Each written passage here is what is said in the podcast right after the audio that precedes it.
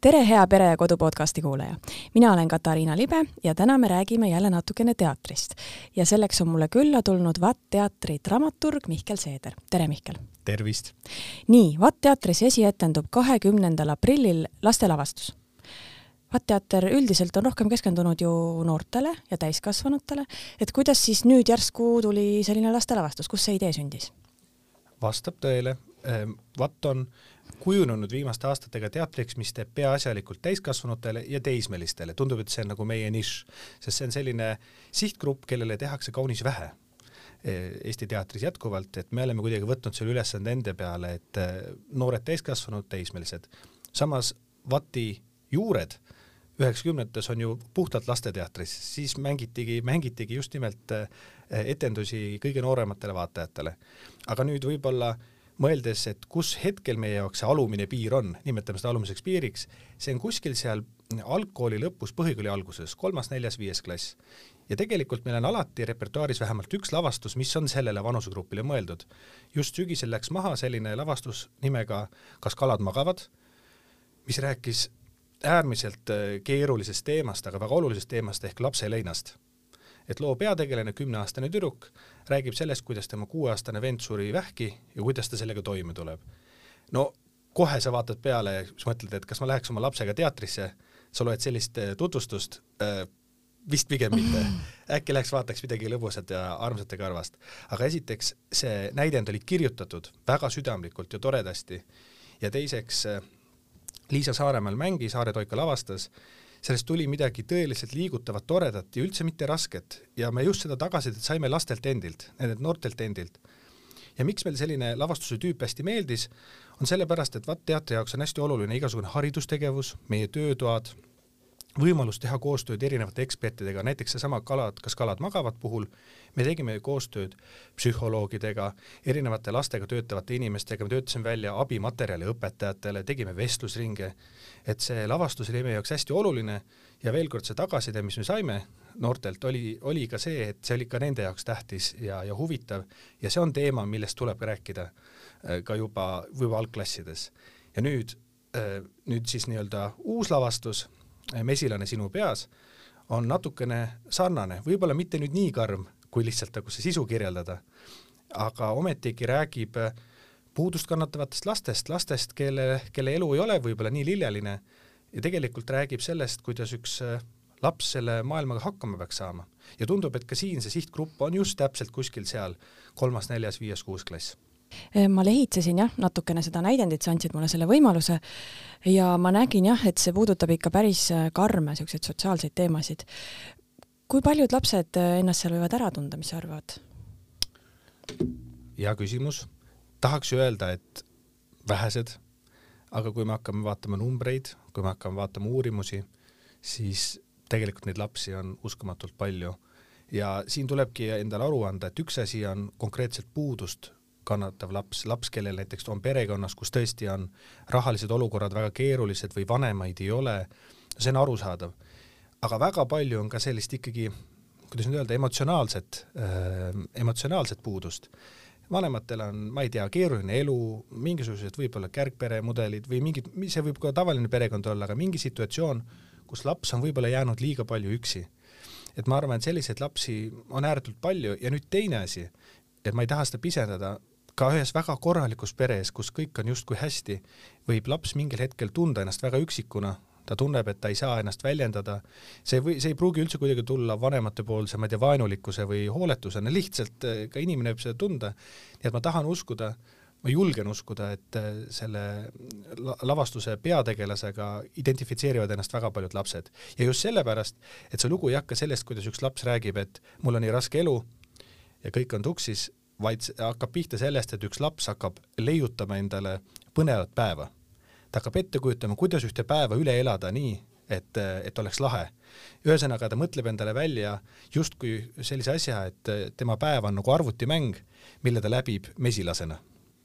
et te lähenete siis nendele mm, rasketele teemadele siis äh, läbi siis selle arvutimängu nagu, et kas nad siis äh, saavadki niiviisi nagu mingisuguse helgema lahenduse või jäävad ikkagi need rasked teemad õhku? kuna selle teose autor on saksa näitekirjanik Roland Schimmelfennig, siis äh, nagu saksa traditsioonile kohane, nad ei saa kunagi liiga lõbusad olla mm.. noh, nali naljaks, aga kui sa oled ka natuke tunned saksa teatrit, siis äh, see stereotüüp on, et saksa teatris on alasti kehad, veri ja tohutu poliitiline röökimine äh,.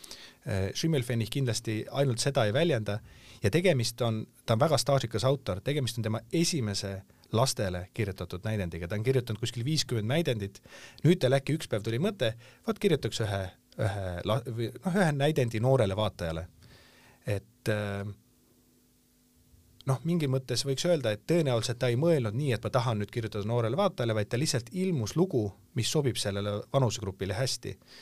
ja võrreldes teiste Schimmelfennigi lugudega ma pean ütlema, et see on helgem, see on lõbusam, see on mängulisem, see on lootusrikkam, aga äh, tema stiilile omaselt, saksa autorile omaselt ta ei ta ei muutu kunagi roosamannaks. et jah, seda peab küll ütlema, et see kuidagi, sa tuled sa saalist ära ja mõtled, et oi kui vahva seiklus see oli, aga võib-olla keegi mõtleb, ma tahaks uskuda, et need küsimused, mis kaasa tulid, miks selle tegelasega nii on, mis tema elus on ikkagi juhtunud, et see kõik on, et see vestlus jätkub ja ma jällegi väga tahan uskuda, et see, selle etenduse nägemine tekitab diskussiooni laste, lapsevanemate, õpetaja, õpilaste, erinevate inimeste vahel mm. -hmm. mis sa arvad, kas ta võib empaatiat ka kasvatada? ma tahaks kindlasti uskuda. juba ainuüksi see nüanss, et äh, me arutasime lavastaja Ago Sootsiga natukene selle lapse positsiooni üle ja mulle väga meeldis, Ago ütles, et selles loos see laps, see peategelane, ta ei ole ohver.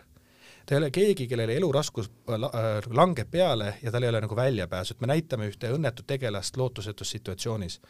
pigem on ta kindlalt enda loo kangelane tema on see, kes kasutab oma fantaasiat, oma sellist äh, vaimujõudu ja tegelikult elutahet, et minna läbi kõigest. Ja, ja seda väga tihti lapsed teevad, ega mina samamoodi, ma ei saa öelda, et ma olen puudust kannatav laps või ma tulin kuidagi keerulisest perekonnast, aga kui mul oli raske või ebameeldiv või keeruline, mulle meeldis ka mõelda igasuguseid variante välja, kuidas see on natuke mängulisem see kuidagi nagu sellisesse narratiivi panek aitas, aitas raskustest üle saada ebameeldivatest olukordadest. see on kaitsemehhanism, aga see näitab ka midagi hästi inimese ikkagi olemuse kohta. et meil on olemas see teine kiht, see mingi selline vaimujõud, mille abil me saame üsna palju probleeme kas nüüd ära lahendada, aga me saame neid probleeme kuidagi, anda neile natuke teise suuna mm. -hmm. tahtsingi just küsida, et mis selle äh, loo peamine sõnum on lastele, kas sa arvad, et see ongi, et oma probleemidele võib laheneda, läheneda ka mänguliselt? kindlasti on see üks sõnum. teine sõnum on, ma tahaks uskuda, on see, et äh, ka märgata, märgata kedagi enda ümber, äh, kellel võib-olla on kurb meel, kellel on probleem, mure, äh, kes võib-olla käitub natukene ebatavaliselt, noh, see on see klassikaline näide, poiss käitub halvasti, onju sa mõtled, et ta on lihtsalt üks äh, pätt või kasvatamatu, aga kui sa hakkad natuke uurima, siis sa võid avastada, et see on võib-olla mingi kaitsemehhanism tema mingisugustele ebakindlustele või probleemidele, kus ta ei ole saanud ennast väljendada. et ma usun, et sellest äh, see lugu pajatab üsna palju, äh, et, et just nimelt märgata neid inimesi ja märgata võib-olla enda puhul mingisuguseid situatsioone, et, et seesama peategelane, tal on ka hästi tihti selline, kus ta nagu ma kasutan sellist võõrväljendit nagu haibib ennast üles. super, sa oled kangelane, sa said hakkama, sa oled jumala tubli, väga, tegin ära, super, tegin ära, ma saan kõigega hakkama, ma ei tohi seda unustada, ma saan kõigega hakkama. ja, ja ta liigub, liigub kogu aeg edasi, kuigi tal on palju kordi siin loos, kui ta tahab alla anda, sest asjad lähevad nihu. ta läheb kooli, unustab seljakoti koju, oh jumal, juba teab, mis jama sellest tuleb. tuleb koju, hakkab vihma sadama, onju, tal on õhukesed riided seljas, kuidas nii halvasti läks, kõht on tühi, ta unustas süüa või ta ei saanud kuskilt, külm, külmik oli kodus tühi, onju. kõik need äh, ju tegelikult tõsised asjad, aga ta leiab mingi mängulise võimaluse. et äh, mul, ma ütlen, ma ju leidsin selle näidendi nii-öelda meie teatri jaoks, lugesin palju näidendeid ja mul, mina olin nagu esimene asi, mis mind haaras kaasa, oligi just see fantaasiamaailm ja siis, ja siis teine level oli see, et ma hakkasin märkama selle fantaasiamaailma all seda nii-öelda pärismaailma, selle raskust. et mind isiklikult tõmbas see, see lapse fantaasia nagu hästi kaasa mm. -hmm. nii et sina leidsid selle näidendi ja sina ka tõlkisid selle, eks ole. kui palju sa veel osalesid lavastusprotsessis või osaled? no Vatt teater on pisike teater, me kõik osaleme mingil moel tegemistes. eks ma natukene avasin trupile tausta selgitasin võib-olla, mis, mis kohast Schimmelfennig tuleb, miks ta sellist veidrat võtet kasutab. võte on siis järgmine, et selles lavastuses on kolm näitlejat kes kõik justkui nagu kehastuvad selleks peategelaseks ja samas nagu on, seisavad tema kõrval, ühesõnaga kolm tegelast, kes hakkavad koos jutustama, kuidas ühe poisi päev läheb. Nad vahetavad rolle, nad mängivad poissi, teisi tegelasi, et ma ühes intervjuus leidsin, kui Schimmelfinich ütles, et noh, küsiti, et miks sa tegid niimoodi ja ta ütles, et aga nii ongi, kuidas lapsed ju koos lugusid välja mõtlevad Nad hakkavad koos jutustama, siis vahepeal keegi ei ole nõus, ta pakub teise variandi, oot-oot-oot, nii ei olnud. siis mingil hetkel öö, minnakse kaasa, põhimõtteliselt nagu impro. teine hetk tekib mingi tüli ja siis mingitel hetkedel see mäng muutub maru tõsiseks.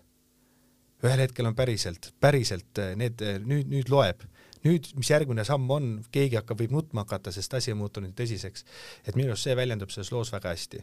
jah, et ma natuke informeerisin sellest eh, truppi ja eks ma olen käinud ikka vaatamas, kui on kutsutud ja, ja andnud oma tagasisidet ja aidanud, aidanud eh, selle poole pealt, aga mingit dramaturgi tööd ma seekord ei ole teinud, sest eh, minu arust selle käsikirja dramaturgia on nii selles mõttes sirgjooneline, tuleb lihtsalt seda mööda lennata. kui palju on selle protsessi jooksul jäetud kinni siis ainult sellesse kirjutatud teksti või on näitlejad või muud äh, trupiliikmed ka oma lapsepõlvedest rääkinud ja oma lugusid kuidagi sinna sisse pannud? no, kas või, kas või tunnetuslikult, ma mõtlen? tunnetuslikult sada protsenti, sest nii ju Eesti näitleja suuresti töötab, ta peab selle enda, enda kogemuse ükskõik missugusest materjalist või loost üles leidma noh, natuke peaks ütlema, et ta selles mõttes ei ole selline avatud materjal, kuhu väga lihtne oleks pookida midagi nagu tekstiliselt või narratiivi mõttest juurde, küll aga võiks öelda, et kõige suurem väljakutse selle teksti puhul on, et äh, lavategevus võib muutuda illustratiivseks, ehk tähendab seda, et sa jutustad ja siis näitad samal ajal ette, mida sa jutustad, et noh, see lihtsalt pikas perspektiivis see võib muutuda natukene igavaks. ja nüüd ongi saanud äh, trupp koos kunstniku ja kõikide teiste osapooltega ikkagi nuputada, kuidas nemad väljendavad seda maailma, kuidas see keskkond väljeneb, kuidas nad oma füüsisega väljendavad, et sin-, sinna nad on saanud ikkagi väga palju enda kogemust, enda olemust äh, sisse panna, et äh, need kolm jutustajat, kes meil laval on, on juba välimuselt ja oma olekult hästi erinevad inimesed. Äh, ja, ja ma seal usun, et seal ikkagi nende, nende enda mingid hoiakud tulevad väga kenasti välja. kas see lavastus jõuab Tallinnast välja ka? No praegu on raske veel öelda, sest esietendus on ees, aga üldiselt Vati traditsioon on, et, et lavastused liiguvad palju ringi ja üsna eh, minimalistlik lava, mis alati annab hea võimaluse reisimiseks ja noh, nagu meil on ka Vatis komme olnud, meie missioon on käia Eestis ringi, näidata lugusid võimalikult eh, laiale publikule. miks? millest selline missioon? Võib-olla varasemalt, jällegi minnes üheksakümnendatesse, oli see selline ellujäämisstrateegia. Vatt oli pisike teater, elas oma bussis, sõitis ringi ja mängis seal, kus mängida sai. aga mingil hetkel, kuna meie jaoks see sotsiaalne mõõde nii meie haridustegevustes kui üldse meie tegevustes on hästi oluline, siis me just nimelt tahame, et meie, meie lood jõuaksid hästi erinevate inimesteni ja kuna meie töötoad reisivad üle Eesti, siis me tahame, et ka meie lavastused reisiks üle Eesti nii palju, kui see võimalik on, eriti just nimelt sellised lood, mis on mõeldud noorele vaatajale. räägi natuke nendest töötubadest siis ka. jah, VAT teatril on oma väiksusele mm, vaatamata ääretult suur valik töötube, mis on suunatud kõikidele kooliastmetele ja ka täiskasvanutele ja juured on sellises teatrivormis nagu Foorumteater. Foorumteater on teatrivorm, kus äh, näidatakse laval ühte lugu, tavaliselt lugu, kus on kellegi suhtes ollakse ebaõiglane või keegi on ohver ja siis hakkab publik tegema ettepanekuid, mida, kuidas need inimesed peaksid käituma teisiti, et tulemus oleks nagu positiivne selle nii-öelda tegelase või ohvri jaoks ja näitlejad hakkavad seda ümber mängima, see on selline fantastiline teatrivorm nii-öelda kunsti ja sellise sotsiaalse kaasatuse vahel. sealt said äh, need töötoad idee alguse ähm, ja sest alati Foorum, meil oli palju aastaid Vattenite kõrval Foorum Grupp, kes sellega tegeles, aga see aja jooksul hakkasid need hargnema kõikvõimalikes äh, suunades. et noh, minu, minu saabumine VAT-teatrisse tõi kaasa kirjutamise, mul on kõikvõimalikke kirjutamistöötube noortele, nii näidendi kirjutamist, tuleb ikkagi propageerida seda, kui loovkirjutamist, kui kirjutamist, mis on seotud erinevate VAT-i lavastustega, selline töötuba nagu Vatinaarium, et noored vaatavad või noored või täiskasvanud vaatavad äh, ühe etenduse ära siis me koos arutame seda, et mis seal loos oli ja siis nad hakkavad kirjutama lugusid, et kui nemad oleksid autor, mida nemad selles loos muudaksid. et äh, kas kalad magab, magavad puhul oli see alati väga põnev, sest äh, kui nad hakkasid ise kirjutama mingeid variante sealt või teisi vaatepunkte, et kelle, kellest, keda nemad veel tahaksid selles loos näha. ja ma, ma olen üsna veendunud, et selle äh, mesilase puhul, mesilane sinu peas puhul hakkab toimuma midagi väga sarnast ja siis on meil veel töötube, mis on seotud lavavõitlusega, mis on seotud või erinevate võib-olla mingite kitsamate teemadega nagu seksuaalsus, seksuaalõigused. meil on üsna palju tantsulisi töötubes, see töötubade hulk on meil tõesti suur.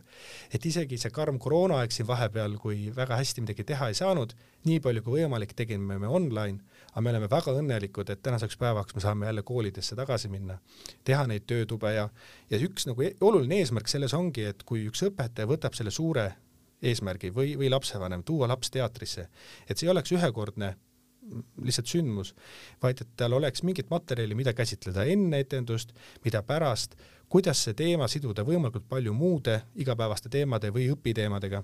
see, seal see meie missioon on. ja neid töötubasid saab siis kutsuda enda kooli näiteks, jah? absoluutselt nii, ma läheks nüüd üldfilosoofilisemaks, et mis sina arvad, miks lapsed üldse võiksid käia teatris? Püha taevas, tabasid mind, tabasid mind niimoodi. miks võiks üldse lapsed käia teatris, miks võiks üldse inimesed käia teatris? jah, kummaline asi, eestlased on üks teatrirahvas, kõik statistikad seda näitavad. Eestis on teater kunstiharu number üks. miks see ikkagi nii on? Olen kuulnud kõikvõimalikke selgitusi, analüüse, meie soome-ugri taust on kõige teatrilembelisem, meil on mingisugused ühed, Eesti, eestlane on introvertne, ta vajab mingit võimalust näha elu ja situatsiooni kuidagi kellegi teise poolt esitatuna, see on kõige lihtsam viis, kuidas olla nagu lähedal, et see on nagu fil-, eelis filmi ees teatril et isegi kui sa oled saalis pimedas publikuna, sa oled ikkagi nagu näitlejaga justkui koos, on ju, sa jagad temaga seda, seda maailma, seda energiat, neid emotsioone. noh, minu, minu tunde pealt, ma ise käisin lapsena väga palju teatris, see väga meeldis mulle, see alati käivitas mu fantaasiat ja nüüd lähes, nähes siis oma lapsi, kui nad teatris käivad või nähes neid noori, kes tulevad VAT-teatrisse vaatama, et ma näen jätkuvalt seda, et teater loob väga kiiresti kontakti ja teater loob hästi palju, nagu ma juba eelnevalt rääkisin, loob hästi palju äh, harusid ja võimalusi selle mõttega edasi minna. et veel kord, ma nagu natuke kordan end, aga mulle on endale alati meeldinud see väiksest peale, et mulle alati meeldib raamatuid lugeda, filme vaadata, teatris käia, aga sama palju mulle meeldib sellest rääkida või veel täpsemalt, mulle meeldib kuulda, et keegi teine räägib sellest ja siis ta räägib selle ära ja siis see minu jaoks on referents ja mul hakkab endal nii palju huvitavaid mõtteid tekkima, et et minu arust äh, need vestlused teatrist, nendest lugudest, nendest tegelastest, äh, need on inspireerivad ja harivad. Äh, jah, mina ei läheks nii kaugele, mõned sellised tõelised teatri entusiastid, puristid ütlevad, et teater on veel viimane võimalus, kuidas inimeses empaatiat kasvatada, ma arvan, et seda suudab teha iga kunstiharu ja isegi mitte ainult kunstiharu, aga teatri vägi just nimelt selles kohalolu hetkes on midagi, mitte midagi pole teha on, on võimas. Muidugi mina olen jõudnud sinnamaale, et ma üsna paljusid teatritegijaid tunnen, nii et ma juba sellepärast tunnen äh, ühtsustunnet, kuna laval mängib inimene, keda ma tean ka, ka tavaelus. aga see on ka teine tore asi Eestis, mul on selline tunne, et Eesti publik väga hoiab Eesti näitlejat ja isegi kui sul ei ole isiklik kontakt selle inimesega, ta on nagu sinu enda inimene. Ja, ja sa väga, sa kohe hakkad mõtlema teiste rollide peale, sa hakkad mõtlema, mis sa tema peale, tema kohta tead. Ja see kõik kuidagi liigutab äh, veel rohkem ühtsustunde loomine, ma pole kunagi varem mõelnud, aga võib-olla teater tõesti loob äh, tugevat ühtsustunnet mm. -hmm. mida sinu lapsed teatrist otsivad või kui sa vaatad kõrvalt seda, kuidas nad etendust vaatavad, siis mis on nende jaoks oluline, mis neid puudutab? Nad on hästi erinevad, et kuigi nad on kaksikud, siis ei ole neil nagu karakteri mõttes mitte midagi sarnast. kui vanad nad on? neli ja pool. aga nad teatris on juba palju käinud, mitte minu teenel, vaid siin on suur teene olnud vanavanematel ja ka lasteaial, kes on panustanud sellesse palju ja ne, nemad otsivad väga erinevaid asju, et äh, kui tüdruk otsib äh, tulevärki, otsib äh, tantsulaulu, otsib seda energiat, mida üks, üks teatrietendus saab pakkuda, siis poeg, tema pigem otsib sealt mingisugust mingisuguseid detaile, mingisuguseid mõtteid, mida ta siis tükk aega hiljem juurdleb, et olen jah sattunud temaga mingisugustele huvitavatele vestlustele, et kõlas üks lause, ma ei mäleta, kas see oli kuskil etenduses a la, et et vana inimene muutub jälle lapseks ja siis ma avastasin, et ta veel paar päeva hiljem juurdles selle üle, mida see ikkagi tähendab. et millegipärast see jäi temale, see jäi kõlama tema pähe ja tal oli vaja mõelda selle üle, samal ajal kui tema õde kõrvaltoas jätkuvalt tantsu vihtus ja näitas, kuidas see Pipi äh, pärismaalaste tants ikka käis. et jälle kihvt näide, kuidas üks etendus võib niivõrd palju erinevaid kanaleid avada ja inimestele erinevalt mõjuda. Kas sa arvad, et on oluline, et lapsed puutuksid ka nende karmimate teemadega kokku, millest enne juttu oli? läbi teatri siis? noh, tõde on selles, et nad puutuvad nende teemadega kokku. me, sotsiaalmeedia ja ligipääs igasugusele arvutile, internetile, mobiiltelefonile on juba ammu ära tõestanud, et lapsed puutuvad selliste, nimetame siis täiskasvanute teemadega kokku palju varem kui, kui see varem juhtus, meil on üha vähem võimalust nii-öelda oma last varjata või kaitsta mingite asjade eest. sellised täiesti minu jaoks ikkagi nagu jahmatavad, äh, jahmatavad äh, noh, nagu näited, et ma ei tea, nüüd juba varsti nii, et keskmiselt laps esimest korda näeb mingit pornograafilist teost kuueaastaselt. lihtsalt mm -hmm. sellepärast, et tal on ligipääs mm -hmm. telefonile ja seal liigub seda nii palju ringi, ma ei rääkinud videodest, piltidest, millest iganes. ta puutub sellega kokku. Täpselt samamoodi karmid teemad, et praegu on üsna palju ju ka räägitud sellest, et kuidas ikkagi lastele rääkida sellest situatsioonist, mis on Ukrainas, on ju. Et arvata, et nad ei, mitte midagi aru ei saa, nad ei taju seda ärevust, nad ei imesta, miks iga kord AK uudised hakkavad pihta, näidates tanke ja kahureid ja, ja nutatud nägudega inimesi, et äh, loomulikult ei saa lapsele kogu, kogu seda maailma raskust niimoodi solgiämbriga pähe valada, aga paratamatult me ei saa neid äh, peita nende asjade eest. Ja kui on olemas niivõrd äh, nutikad teosed, nagu oli see Kas kalad magavad, sest tõesti ka saksa autor, aga hoopis teise lähenemisega Jens, Jens Raske, et see tüdruk, see peategelane, eh, kes seda Juta, kes seda lugu jutustab, ta tõesti räägib seda sellisel viisil, et äh, sul ei ole kogu aeg, kuigi ma nägin, lapsevanematel oli kogu aeg nagu natukene klomp kurgus, kui nad seda vaatasid, aga lapsed, nemad tõesti said selle tüdruku probleemidest, asjadest aru, rahulolematusest, sellest, et talle ei meeldinud, et vanemad tegelesid ainult selle tema vennaga, onju et mida ma, temaga ka tegeletakse, onju, kõik need muud emotsioonid, mis sinna juurde, et kuidas ta juurdles asjade üle, mis inimesest saab pärast eh, surma, et kui ta küsis oma vanematelt, vanemad jäid kohutavalt hätta. täpselt samamoodi mesilase puhul, et et ma kujutan ette, kui, kuidas äh, lapsed võivad küsida vanematelt väga nagu ebamugavaid küsimusi äh, selles osas, et äh, miks inimesed näiteks joovad, miks, miks osad inimesed on alkohoolikud miks, miks mõnel, mõnel juhtub niimoodi, et vanemad tõesti ei hoolitse selle eest, et laps, lapsel saaks hommik seljakott selga ja tal oleks puhtad riided, on ju. et kuidas see juhtub, aga siis saabki sellest rääkida, saab seda arutada ja teine asi saab ka rääkida mingis mõttes nagu iseseisvumisest või et kus, kus jooksevad need iseseisvumise piirid. raskeid teemasid tuleb käsitleda, see on lapsevanema kohustus ja rõõm ja väga tore, kui mingid teised äh, kanalid pakuvad selleks tuge mm -hmm. ja, ja kui teater on see koht, mis tuge pakub, jumala eest. nii et ta nagu avab ukse või, või pakub karku lapsevanemale, võtmaks ette siis neid keerulisi vestlusi lastega? Jah, ma loodan, et mitte karku, vaid pigem nagu seljatagust, et Aha. või referentsipunkti, et, et võimalus läbi loo kuidagi, kuidagi seda arutada. lapsed nagu ma arvan, et kõik lapsevanemad või lastega töötavad inimesed on väga nutikad ja leiavad loogikavead väga kiiresti üles aga seda enam, see on tegelikult treening ka meile endale, kuidas selgitada asju, kuidas mitte jõuda sinna, et asjad lihtsalt on nii, see on ju alati hea vastus, on ju, sest ma ütlesin sulle, et see on nii. Kuidas jõuda selle arutlusega nagu sammuke kaugemale. Ja ega kõiki asju ei lahendagi korraga ära, sest üks asi on rääkida teoreetiliselt asjadest, teine asi on, kui midagi juhtub, päriselt juhtub lähedal, need olid minu jaoks alati kõige keerulisemad momendid, et kui ma tegin sai kalade töötube. Ja mind ei ole ju, ma ei ole ju koolitatud psühholoog, mul ei ole neid oskusid, oskusi olemas. Ja siis selgus, et selles klassis kolmanda klassi lapsed, neljanda klassi lapsed, on me päriselt keegi, kelle lähedane on surnud. ja kui ta hakkas sellest rääkima siis ühel hetkel, siis ma olin alati natuke nagu hädas, et noh, kuidas nüüd peaks sellest reageerima, pigem ma püüdsin siis suunata tagasi äh, selle käsikirja juurde ja rääkida läbi selle äh, nagu, nagu võrrelda, et noh, Jutal oli nii, kuidas sinul oli ja üldiselt noh, kas see oli kõige parem strateegia, aga vähemalt mul oli see seljatagune olemas, mis aitas vestlusega edasi. Ja tegelikult oli ääretult tore näha, kuidas äh, lapsed avanesid ja kuidas nad rääkisid seda mitte sellise nagu kuidagi ennast hävitavalt, emotsionaalselt hävitavalt, vaid nad rääkisid seda, rääkisid seda just nimelt äh, selle koha pealt, et nad soovisid jagada oma kogemust. ja, ja selle lühikese ajaga, mis need töötoad kestavad, oli see juba väga suur asi ja ma loodan, et need vestlused jätkusid ka, ka edaspidi mm. No sõda on maailmas alati olemas olnud, aga meie jaoks siin Euroopas on ta pikalt olnud selline kauge ja ammune asi. Äh, aga nüüd on ta siis meile jälle lähedale tulnud, et mis sa arvad, et kas nüüd on õige aeg samamoodi siis äh, lastele suunatud dramaturgias käsitleda ka sõda, mis sa arvad, kas see on juba kusagil juhtumas, kas keegi juba kirjutab lastele sõjast?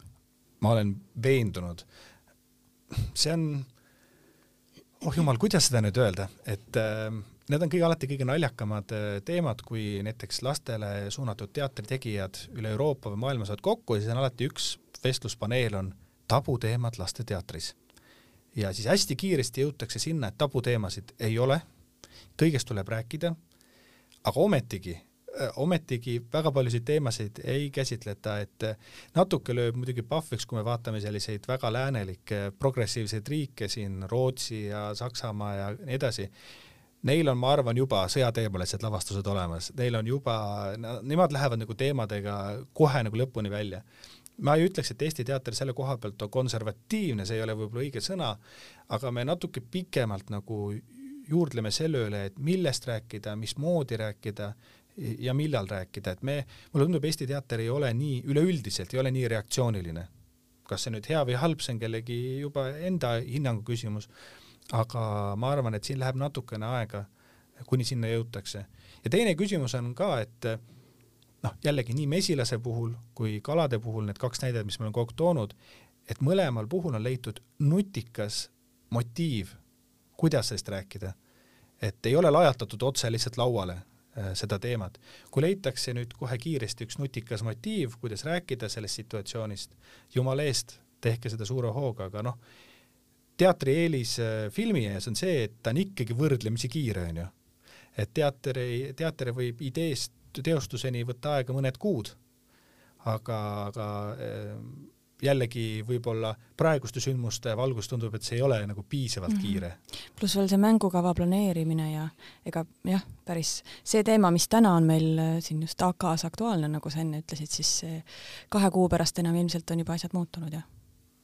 jah, teisalt see on nagu puhtalt minu seisukoht, aga praegu on ikkagi see lause, mis on nagu iga, kõikjal, et maailm on muutunud mm -hmm. ja kõike tuleb nüüd teisiti rääkida ja, ja, ja ei saagi enam sellisel moel rääkida et äh, mina isiklikult tunnen, et äh, päris nii see ei ole ja, ja kuidagi ei saa nagu, ei saa nagu kõike nüüd maha kriipsutada sellepärast, et äh, toimus üks absoluutselt suur ja traagiline sündmus ja tundub, et see võib veel eskaleeruda igas suunas.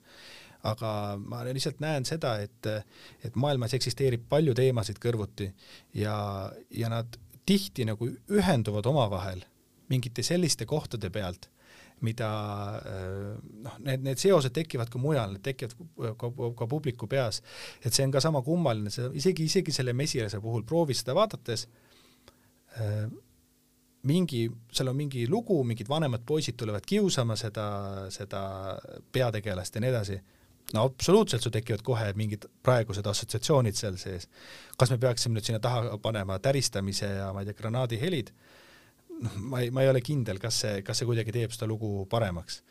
aga me juba lihtsalt juba me juba selle teadmiste pagasiga või selle emotsiooni pagasiga, millega me tuleme äh, nii-öelda teatrisaali ja istume maha, juba see hakkab ju mõjutama seda, kuidas me seda lugu vastu võtame ja mis seosed me näeme. hea lugu minu arust on see, millel on need interpretatsiooni, interpretatsioonikihid olemas. et äh, seetõttu ma ei leia, et see natukene pikem reaktsiooniaeg teatris kui võib-olla noh, ühesõnaga need mõned kuud ei ole nagu otseselt halb asi. Natukene, natukene aega võtta. Ja teistpidi alati on võimalik ju teha no aktsioon, no üheksakümmend üheksa näitas seda mitu korda, et kui oli ikka väga kiire teema, siis nad tegid ju selle kiire lugemise, see oli vist ma ei tea, kas peaministri erakorraline koosolek või midagi sellist, et on võimalik neid kiireid aktsioone ka teatris teha ja nagu väga konkreetselt kuidagi kunstiliselt reageerida. Mm. -hmm. mis sa arvad, kas teater üldse saab ühiskonnas midagi muuta, kas äh, teatril on sedavõrd suur sotsiaalne mõju, et, äh, et, et sellel, et ta ka midagi muudab? no vot, see on nüüd ajalise skaala küsimus, et ma leian, et pikas perspektiivis ja indiviidi tasandil kindlasti. aga see akumuleerub, see akumuleerub aeglaselt ja, ja, ja nagu kuidagi väljendub tõenäoliselt nagu see päris tulemus väljendub kunagi pikemas ajas, et noh, see klassikaline näide, et et kui me praegu ei tee lastele teatrit, siis ega nad täiskasvanu enam teatrisse ei tule et ähm, ka tegelikult mitte lihtsalt äh, see teatris käimise harjumus, aga see oskus lugeda seda maailma ja ka see nagu tegelikult mingis mõttes nagu tuttava tunne, mis selle, selle sees on, seda peab kasvatama aastaid ja läbivalt. ja samamoodi ma olen kuidagi skeptiline selliste üleöö muutuste suhtes üleüldse, see on jälle võib-olla minu lihtsalt iseloomu küsimus, aga et täna vaatasin mingi etenduse ära ja siis homme ma ei tea, hakkan taimetoitlaseks või äh, lähen barrikaadidele, midagi sellist, sest see kõik on natukene nagu afekt, jällegi ma ei tea, vaene noo seltskond nüüd luksub, et ühtne Eesti suurkogu, see väga suurejooneline lavastus mõne aasta eest, mis tekitaski ühiskonnas tõesti ju sellise nagu nagu, nagu pöörase momendi, kus poliitikud läksid juba närvi, pagan, nad hakkavadki erakonda tegema mm, -hmm. inimesed läksid juba elevile, ma ise olin seal kohal Saku Suurhallis, kui see ühekordne sündmus toimus, ma päriselt tajusin seda elevust. ja see sõnumine oli nagu hästi võimas, mida ta andsid ja minu arust see sõnum vähemalt minu mõttes nagu on kandunud nagu aastaid edasi, aga see afekt, mis seal situatsioonis tekkis, sellest päevast tekkis, noh, see üsna kiiresti ikkagi hajus ära. et jah, teater, igasugune kunst saab mõjutada aga, aga see tõeline mõju ilmneb äh, hiljem, tegelikult nagu kooliga, me räägime kogu aeg õpetajate rolli tähtsusest ja õpetajate rolli tähtsuse üks kõige nagu varjatum pool või see, või noh, see nii raskesti mõõdetav pool on see, et nende töö, aastatepikkuse töö tulemus tegelikult ilmselt lööb välja pika aja pärast, võib-olla alles järgmises põlvkonnas. et kui raske mõõta seda, et kas õpetaja tegi siin nüüd head tööd või mitte, sest lõpuks ma ei tea, eksami tulemused on ka nagu selline lühiajaline tulemus, see on natukene efekt. me teame seda kõik väga hästi, öeldakse, et keskkooli õpilane on kõige targem üldse ja sa teed eksami ära ja järgmisel päeval sa ei tunne seda materjali enam. su aju on selle välja lõiganud, ta on vabastanud selle teistele asjadele ja noh, meie enda kogemustes ma olin suuteline uskumatutes kogustes infot pähe ajama ja meisterlikult eksamil esitama seda ja juba mõnda aega hiljem ma ei mäletanud sellest mitte tuhkagi mm. -hmm. aga see, millise mõju andis õpetaja siis sulle nagu inimesena, siis see jäi aastateks kummaline ongi see, et ma mõtlen nüüd üle kolmekümne aastasena üha rohkem selle peale, missuguse võib-olla mingi nagu õpetuse üks või teine õpetaja nii oma sõnade kui oma hoiakuga kaasa andis. tollal ma ei osanud seda niimoodi analüüsida, nüüd nagu pisikese elukogemuse pealt ma kuidagi suudan seda paremini analüüsida. mulle hakkab, tundub, et nüüd nii-öelda siis koolipõlves õpitu või mitteõpitu hakkab ennast päriselt väljendama. nii, aga sina oled VAT-teatris dramaturg. mida tähendab dramaturg, mida teeb üks dramaturg teatris? väga hea küsimus. sellest oleks võinud alustada ja oleks võinud kohe mitu tundi rääkida. ainult naljaks... sellest rääkida? absoluutselt. nali naljaks, äh, kui ma käin koolides, ma ju alati küsin õpilaste käest, kas nad teavad, kes dramaturg on, siis nad alati ütlevad, et ei tea ja siis ma ütlen, ärge muretsege, Eestis on äh, Äh, ei ole just üle mõistuse palju dramaturgi, ega me ise ka täpselt ei tea, mis see tähendab. aga ja see tuleneb sellest, et äh, dramaturgi mõiste alla võib liigitada lihtsalt niivõrd palju erinevaid rolle. see võib olla kirjandustoa töötaja, ehk siis inimene, kes vastutab autoriõiguste eest, reklaamtekstide kirjutamise eest, tõlkimise, toimetamise eest, äh, uute materjalide leidmise eest. dramaturg võib olla võrdusmärgiga näitekirjanikule amet, mida ka sina pead üha tihedamini, keegi, kes istub kodus, kirjutab midagi äh, väga põnevat ja siis äh, seda, seda tehakse siis nii-öelda teatris, tehakse sellest äh, üks võimas lavastus. ja siis on veel üks eraldi roll, lavastusdramaturg, mis on viimaste aastatega üha popimaks saanud või üha olulisemaks muutunud meie teatri tegemises, ehk keegi, kes osaleb prooviprotsessis lavastaja kõrval ja aitab lavastajal aitab lavastajal nagu suunata seda protsessi õiges suunas, et üha rohkem lavastusi Eestis sünnib nii-öelda prooviprotsessi sees või koos trupiga ja dramaturg on tihti see inimene, kes aitab lavastajal seda väga pingelist protsessi koos hoida, aitab võib-olla seda tekstina kirja panna ja on mingis mõttes tal nagu selline dramaturgiline peegel et, et vot selliseid erinevaid ülesandeid dramaturgid kannavad ja siis on olemas veel kõikvõimalikke muid dramaturge, on olemas tantsudramaturge ja valgusdramaturge ja lõpuks võib rääkida dramaturgiast ükskõik mis kontekstis, narratiividramaturgid ja meediadramaturgid ja nii edasi. et see mõiste on niivõrd lai. minu funktsioon minu pisikeses teatris on kõik need ülesanded, lihtsalt erineval päeval erinevas koguses. kas ka tantsudramaturg?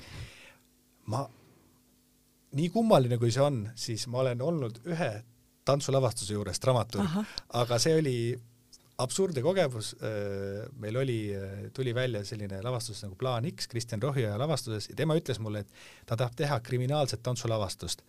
tantsulavastus, kus põhirõhk on krimkal ehk põhirõhk on sündmustikul. Abstraktne nagu tants on, siis see on üsna vastukäiv äh, soov ja mina ütlesin talle kohe, et kuidas ma sind aidata saan, tantsust ma ei tea mitte midagi, ütles, et sa lihtsalt kirjuta mulle üks käsikiri ja me teeme sellest siis, teeme sellest lavastuse. ja ma lasin ennast täiesti lõdvaks, hakkasin lihtsalt äh, kirja, kirjeldasin ühte nagu röövkäiku sellise jutustusena ja ühel hetkel nad võtsid käsikirja mult ära ja ütlesid, et hea küll, me nüüd teeme sellest lavastuse. et kas see nüüd päris, päris nüüd tantsudramaturgi töö oli, aga noh, niimoodi pooleldi ja, ma sain ka proovis käia. Oli väga huvitav näha hoopis teisi töövahendeid, mida kasutatakse tantsuteatris. Ja ometigi ma sain ju ka anda tagasisidet, sain öelda, et vot mulle tundub, et siin kohapeal ma ei saa praegu hästi aru, kuhu see lugu liigub või siin kohapeal see on liiga ilmselge, võib-olla siin natukene, et et mul, mul on nagu, minu elukogemus üha rohkem näitab seda, et dramaturgi natukene on vaja igal pool ja, ja, ja, ja, ja see ei ole üldse halb oskus, mida osata. natuke vaadata lugu struktuurina, vaadata lugu mingisuguste võib-olla võimaluste või, või karidena ja, ja olla abiline nendele inimestele, kes peavad seda äh, laval veenvalt esitama, et äh, väga tore töö. kuidas sinust sai dramaturg? nojah, ka see ei juhtunud üleöö, nagu, nagu kõik asjad, et äh, teater on, nagu ma ütlesin, mulle alati meeldinud ja mul oli selline väga tore pande lapsena, minu vend, kes on must pisut noorem ja mu kaks täditütart, me olime kõik üsna lähedal vanuses ja me veetsime suved vanaema juures Abjas ja meil oli iga kord me tegime ühe lavastuse. mina kirjutasin käsikirja ja olin kuri lavastaja ja mängisin peaosa ja teised kõik tegid. Ja nüüd tagantjärgi vaadates neetult hea koostöö oli ma olen igasugustes prooviprotsessides osalenud ja me lastele saime nii hästi hakkama. nii et järelikult sa pead ikka ise kirjutama, lavastama ei, ei, ja peaosa mängima? ma sel hetkel sain aru, et see lavastaja amet teeb nagu, võib väga lihtsalt kurjaks teha, kui sul ei ole tugevat iseloomu. ehk siis need, need, me saime väga palju teatrit teha, aga kõige põnevam osa, ma ütlen ausalt, oli see kirjutamise osa. see oli ikka väga vahva et alati paberi peal tundus kõik natuke kihvtim kui lõpuks see, mis me tegime, aga noh, loomulikult vanemad plaksutasid ja ütlesid nii tubli ja kõik ja keskas, keska lõpus mul oli nagu palju võimalusi, mida oma eluga pihta hakata, aga ühtegi head ideed ei olnud. ja minu tüdruksõber ütles, et tema läheb Tartusse õppima ja tal on ükstapuha, mis mina teen, siis ma ütlesin, ma läksin ruttu järgi ja valisin lihtsalt eriala, kus ma sain tasuta sisse ja ühesõnaga saksa filoloogia. aga see oli natuke igav. sattusin sealt teatriteaduse peale, ehk tegelikult ma hariduselt olen teatriteadlane, ma peaksin kirjutama teatriarvustusi ja teoreetilisi tekste, aga minu teele sattus selline fantastiline organisatsioon nagu Trakadeemia, Draamakirjanike Akadeemia. ja, ja seal mul on nii hästi meeles, et ma siis üks, ühel päeval ütlesin oma, siis ikka sellelesamale tüdruksõbrale, kes nüüd oma abikaasa, ütlesin, et ma hakkan nüüd Tartust Tallinnasse käima iga nädalavahetus, ma lähen Trakadeemiasse näidendit kirjutama. ma olin siis kakskümmend üks või midagi sellist ja siis ta ütles, küsis vastu mu tüdruksõber, et oot, mis, mis värk sul näidenditega, mis ajast sind näidendid huvitama hakkasid? ütlesin, et ma ei tea ise ka, aga lähme proovime. ja see Trakadeemia oli lihtsalt äh, nagu avas kõik tšakrad, äk-, äkki kõik tundus nii õige ja tead edasi oligi kummaline, täiesti juhuse tahtel sattusin tööle Draamateatrisse, kirjandustuppa, sellise nagu, nagu minu jaoks nagu legendaarse kirjandustoa juhi, dramaturg, inimese kõrval nagu Ene Paaver, kus ma sain lugeda väga palju käsikirju, vaadata väga palju vanadelt kassettidelt äh, lavastusi. Ja sealt edasi ma juba sattusin VAT-teatrisse ja VAT-teater on mind väga oskuslikult kujundanud ikkagi selliseks jah, nagu vastutavaks dramaturgiks inimeseks, kes selles valdkonnas töötab igatpidi, et ma olen väga tänulik Vatt teatri perele, kes on mind väga palju usaldanud ja teistpidi kuidagi andnud, öelnud mulle, et me oleme väike teater, siis meil ei ole siin nii-öelda teisi variante, tuleb teha ja tuleb teha hästi erinevaid asju. et kui ma ka ise just kolleegidega rääkisin, siis kuigi ametinimetus on alati dramaturg, siis ma olen teinud nagu kõiki erinevaid asju, ühes kohas ma olen olnud lavastusdramaturg, ühes kohas ma olen tõlkinud, ühes kohas ma olen kirjutanud ise, ühes kohas ma olen kirjutanud üle, ühes kohas ma olen kirjutanud siis, kui lavastaja ütles, et kuule, vist oleks vaja natuke kirjutada, sest esikas hakkab tulema ja oleks vaja natuke ümber teha, või kirjutanud kellegi teise näidendit ümber. Hästi põnev amet ja mulle tundub amet, millesse tuleb ka kuidagi nagu kasvada. jällegi minu puhul, see võtab aega, võtab aega ja nüüd, kui ma olen seda ametit peaaegu kümme aastat pidanud, et nüüd mul vaikselt hakkab tekkima mingi tunne, et kas see sobib mulle või ei sobi. ma olen kõigis oma asjades sellise pikaajalisuse usku ja mulle tundub, et äh, tõde selgub väga aeglaselt. nüüd ma tean, et see ei ole võib-olla see, see podcast, aga Eestis tänase päevani meil ei ole järjepidevat dramaturgiõpet ja ühtpidi see on äh, väga kurvastav, ma tean, et nüüd on, jälle lavakasse võetakse, dramaturgide kamp ka, ma olen selle üle väga õnnelik ja loodan, et sellest lõpuks tekib selline järjepidev süsteem. Aga ma julgustan kõiki, sa ise oled ju täpselt see hea näide sellest, et sa tuled ju ka näitleja tausta pealt ja oled jõudnud sellesse mitte ainult näidendi kirjutamise, vaid kirjutamise juurde laiemalt. nii et äh, teised näited, sama Martin Algus, hariduselt näitleja, hetkel juhtiv näitekirjanik, stsenarist Eestis ja teisi näiteid, et väga tihti need dramaturgid on inimesed, kellel taust on kuskil mujal ja siis nad on jõudnud kuidagi ringiga selle uskumise juurde.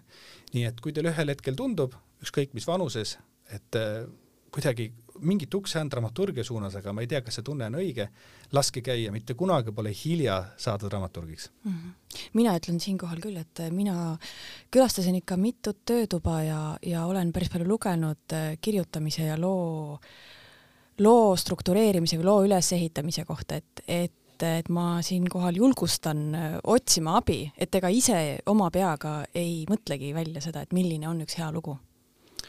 Nagu mina ütlen, jällegi küsitakse minu käest, et noh, see kõige valusam küsimus, et milleks üldse loovkirjutamise õpetamine ja kõik need süsteemid ja printsiibid edasi.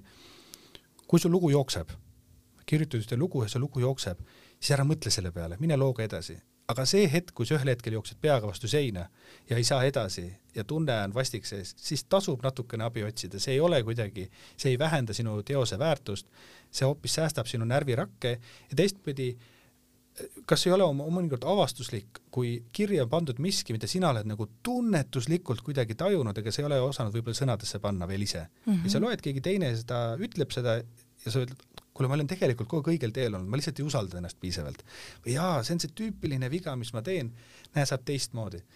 et sest minul oli, minu strateegia oli alati see, eriti noore autorina, et iga kord, kui ma jõudsin vastu müüri, siis ma hakkasin nullist uut lugu kirjutama vastu järgmist müüri kuni lõpuks jälle lugedes ka, käides, käies kursustel ja rääkides tarkade inimestega, selle asemel, et hakata nullist tööd jälle tegema, ma võtsin selle lõigu ette, mis oli ja ma hakkasin seda analüüsima ja võrdlema erinevate meetoditega ja tegelikult peaaegu alati ilmnes seal läbi struktuuri, läbi nende dramaturgiliste elementide, kuhu ma praegu jõudnud olen ja mis see probleem on.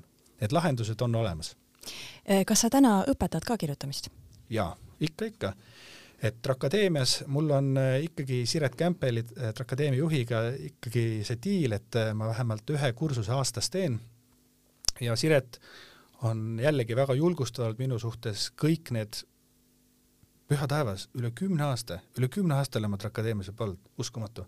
Nende kümne aasta jooksul, et, et teha mingisuguseid kursusi, mis on natuke üldisemad, sissejuhatavad ja siis ikkagi minna mingite kursuste juurde, mis juba natuke kombivad kirjutamise äärealasid, et näiteks eelmisel aastal oli meil selline kursus nagu Fookus atmosfäär, kus me rääkisime teemast, mis, mis justkui nagu näitekirjanikku ei peaks puudutama. Atmosfäär sünnib teiste elementide koosmõjul, seal töötab lavastaja, seal töötab valguskunstnik, stsenograaf, seal on teised inimesed. aga tegelikult näidendit lugedes, ükskõik mis lugu lugedes, atmosfäär on seal alati olemas, kas sa oled selle sinna sisse kirjutanud või mitte, aga tegelikult ta kuskil seal ilmneb. Ja päris tihti võib juhtuda, et et see atmosfäär võib olla see kõige veenvam osa, see on miski see, kus keegi loeb ühe loo läbi, ütleb, et ma ei saaks öelda, et su lugu oli väga originaalne, aga midagi sealt nii kõnetas mind, midagi seal oli. ja me just nagu töötasime selle äh, atmosfääriga ja, ja siis veel nüüd, see oli siis kahe aasta eest ja eelmine aasta me tegelesime sellise teemaga nagu fookus ajal ja aja kasutamine loo jutustamistes uskumatult keeruline ja põnev teema ja, ja, ja ühel hetkel, kui sa saad aru, et jällegi tundub, et aeg, noh, see ei ole võib-olla nagu näitekirjaniku nagu peamine töövahend, aga on küll. sest näitekirjanik määrab ära, mis ajast räägitakse, mis viisil räägitakse, kuidas üldse, mis suhe aega on nendel tegelastel sellel situatsioonil. et need on olnud alati hästi põnevad avastuslikud töötoad mulle endalegi ja nendelt kursustel on, kursustelt on sündinud äh, võimsaid näidendeid, ehm, et ehm, see veel üks asi, mis mind võib-olla akadeemia juures nii võlub, on see, et kuna see on nii-öelda vaba kool, siis sinna satuvad kokku inimesed kõige erinevatelt taustadelt, mõned, kes ongi kirjanikud, mõned, kes tulevad hoopis teisest eluvaldkonnast, mõned, kes on koduperenaised, mõned, kes vahetavad praegu eriala, tahavad elus uut suunda võtta. Ja kui nad istuvad ühe laua taga ja kõik oma elukogemustega, siis nad saavad päriselt olla uskumatult põnevateks peegliteks äh, üksteisele. et see on mind akadeemia juures võlunud ja minu arust see on andnud ka häid tulemusi. kas äh, kirjutamine võib olla ka teraapiline, küsin lõpetuseks? absoluutselt ja selles on ju lausa suunad olemas, et noh, võib-olla Meelike Saarna lükkab selle kohe ümber, aga Meelike Saarna selline pikalt äh, nagu loovkirjutamise töötube tegev äh, koolitaja, et, et temal on isegi mingi sellise sarnase pealkirjaga kursus, mis on alati hästi populaarne olnud. Äh, teraapiline kirjutamine on täiesti olemas äh, meetodina, viis, kuidas läbi kirjutamise ennast väljendada, mingeid asju läbi elada ja kuidas leida dialoogi võimalus ka väga üksikus situatsioonis. mis igasugune kirjutamine alati on, ettepanek dialoogiks kellelegi, kas või lugejaga, onju ka mõttelise lugejaga. et kirjutamine saab kindlasti olla teraapiline, lihtsalt eh, enda jaoks tuleb aru saada, ongi, et mis ma selle kirjutamisega praegu proovin saavutada, kas ma tahan jutustada lugu, kas ma, see on tellimustöö mingiks asjaks, kas ma proovin iseendas mingisugustele arusaamistele jõuda, loomulikult ideaalsituatsioone, seda aeg-ajalt elus juhtub, et need kõik asjad kuidagi langevad ühte, aga päris tihti juhtub ikkagi see, et erinevad eesmärgid hakkavad seda lugu mm, sööma no seal on seesama probleem, mis juhtub, et sa tuled hästi tugeva sõnumi või eesmärgiga lugu kirjutama, siis see eesmärk juba eos hakkab tegelikult sinu lugu natukene tükeldama, sa oled nii oma eesmärgi küljes kinni, et sa ei luba endale võib-olla mingisugust avastuslikkust. ja sellepärast on ka see te te teraapiline kirjutamine vahel võib olla riskantne, sest sa jäädki nagu enda emotsioonidesse nii kinni, et sa võib-olla ei nagu ei märka või ei julge endal lubada natuke teistsugust lähenemist või mingit teis-, mingit loo jätkumist, aga kui eesmärk ongi äh, teraapiline kirjutamine, terapeutiline eneseabi kirjutamine ka, jumala eest, töötab väga hästi, sest mis on kirjutamise juures kihvt? kirjutamine on aeglane, ükskõik kui kiiresti sa kirjutad, siis äh, see on ikkagi aeglasem sellest, kui sa mõtled. ja, ja, ja sa natuke sunnid ennast püsima selle juures, nende mõtete juures, selle sõnastuse juures. see ilmneb sinu ette mingis nagu jällegi abstraktsest äh, konkreetseks. et igasugune kirjutamine minu arust on, on meie väga närvilisel, väga kiirel, väga sellisel killustatud äh, eluhetkel äh, tegelikult tasandav tegevus. nii et kui vahel tuleb tunne, et peaks nagu natukene rahunema, siis kas mediteerid, jalutad või kirjutad, kõik kolm töötavad väga hästi hästi, see on väga hea soovitus, millega lõpetada. Eh, nii et kahekümnendal aprillil eh, esietendub siis Mesilane sinu peas ja hakkasime küll rääkima teatrist, aga jõudsime välja kirjutamiseni, et kui kedagi see teema rohkem huvitab, siis Trakadeemia kodulehelt tasub siis vaadata juurde, jah? just. küsin lõpetuseks, et kes teie trupis on lavastuses Mesilane sinu peas? meil on kolm väga vahvat inimest, kõik VAT teatri omad inimesed Ago Soots, kes on ka lavastaja, Meelis Põdersoo ja Karolin Jürise. ja nemad kolmekesi äh, siis mingis mõttes muutuvad nagu üheks peaks, üheks peaks kolme eri arvamusega. et äh, põnev seiklus. aitäh! aitäh! ja aitäh, armas kuulaja, et sa meid ära kuulasid. järgmine saade on üleval nädala pärast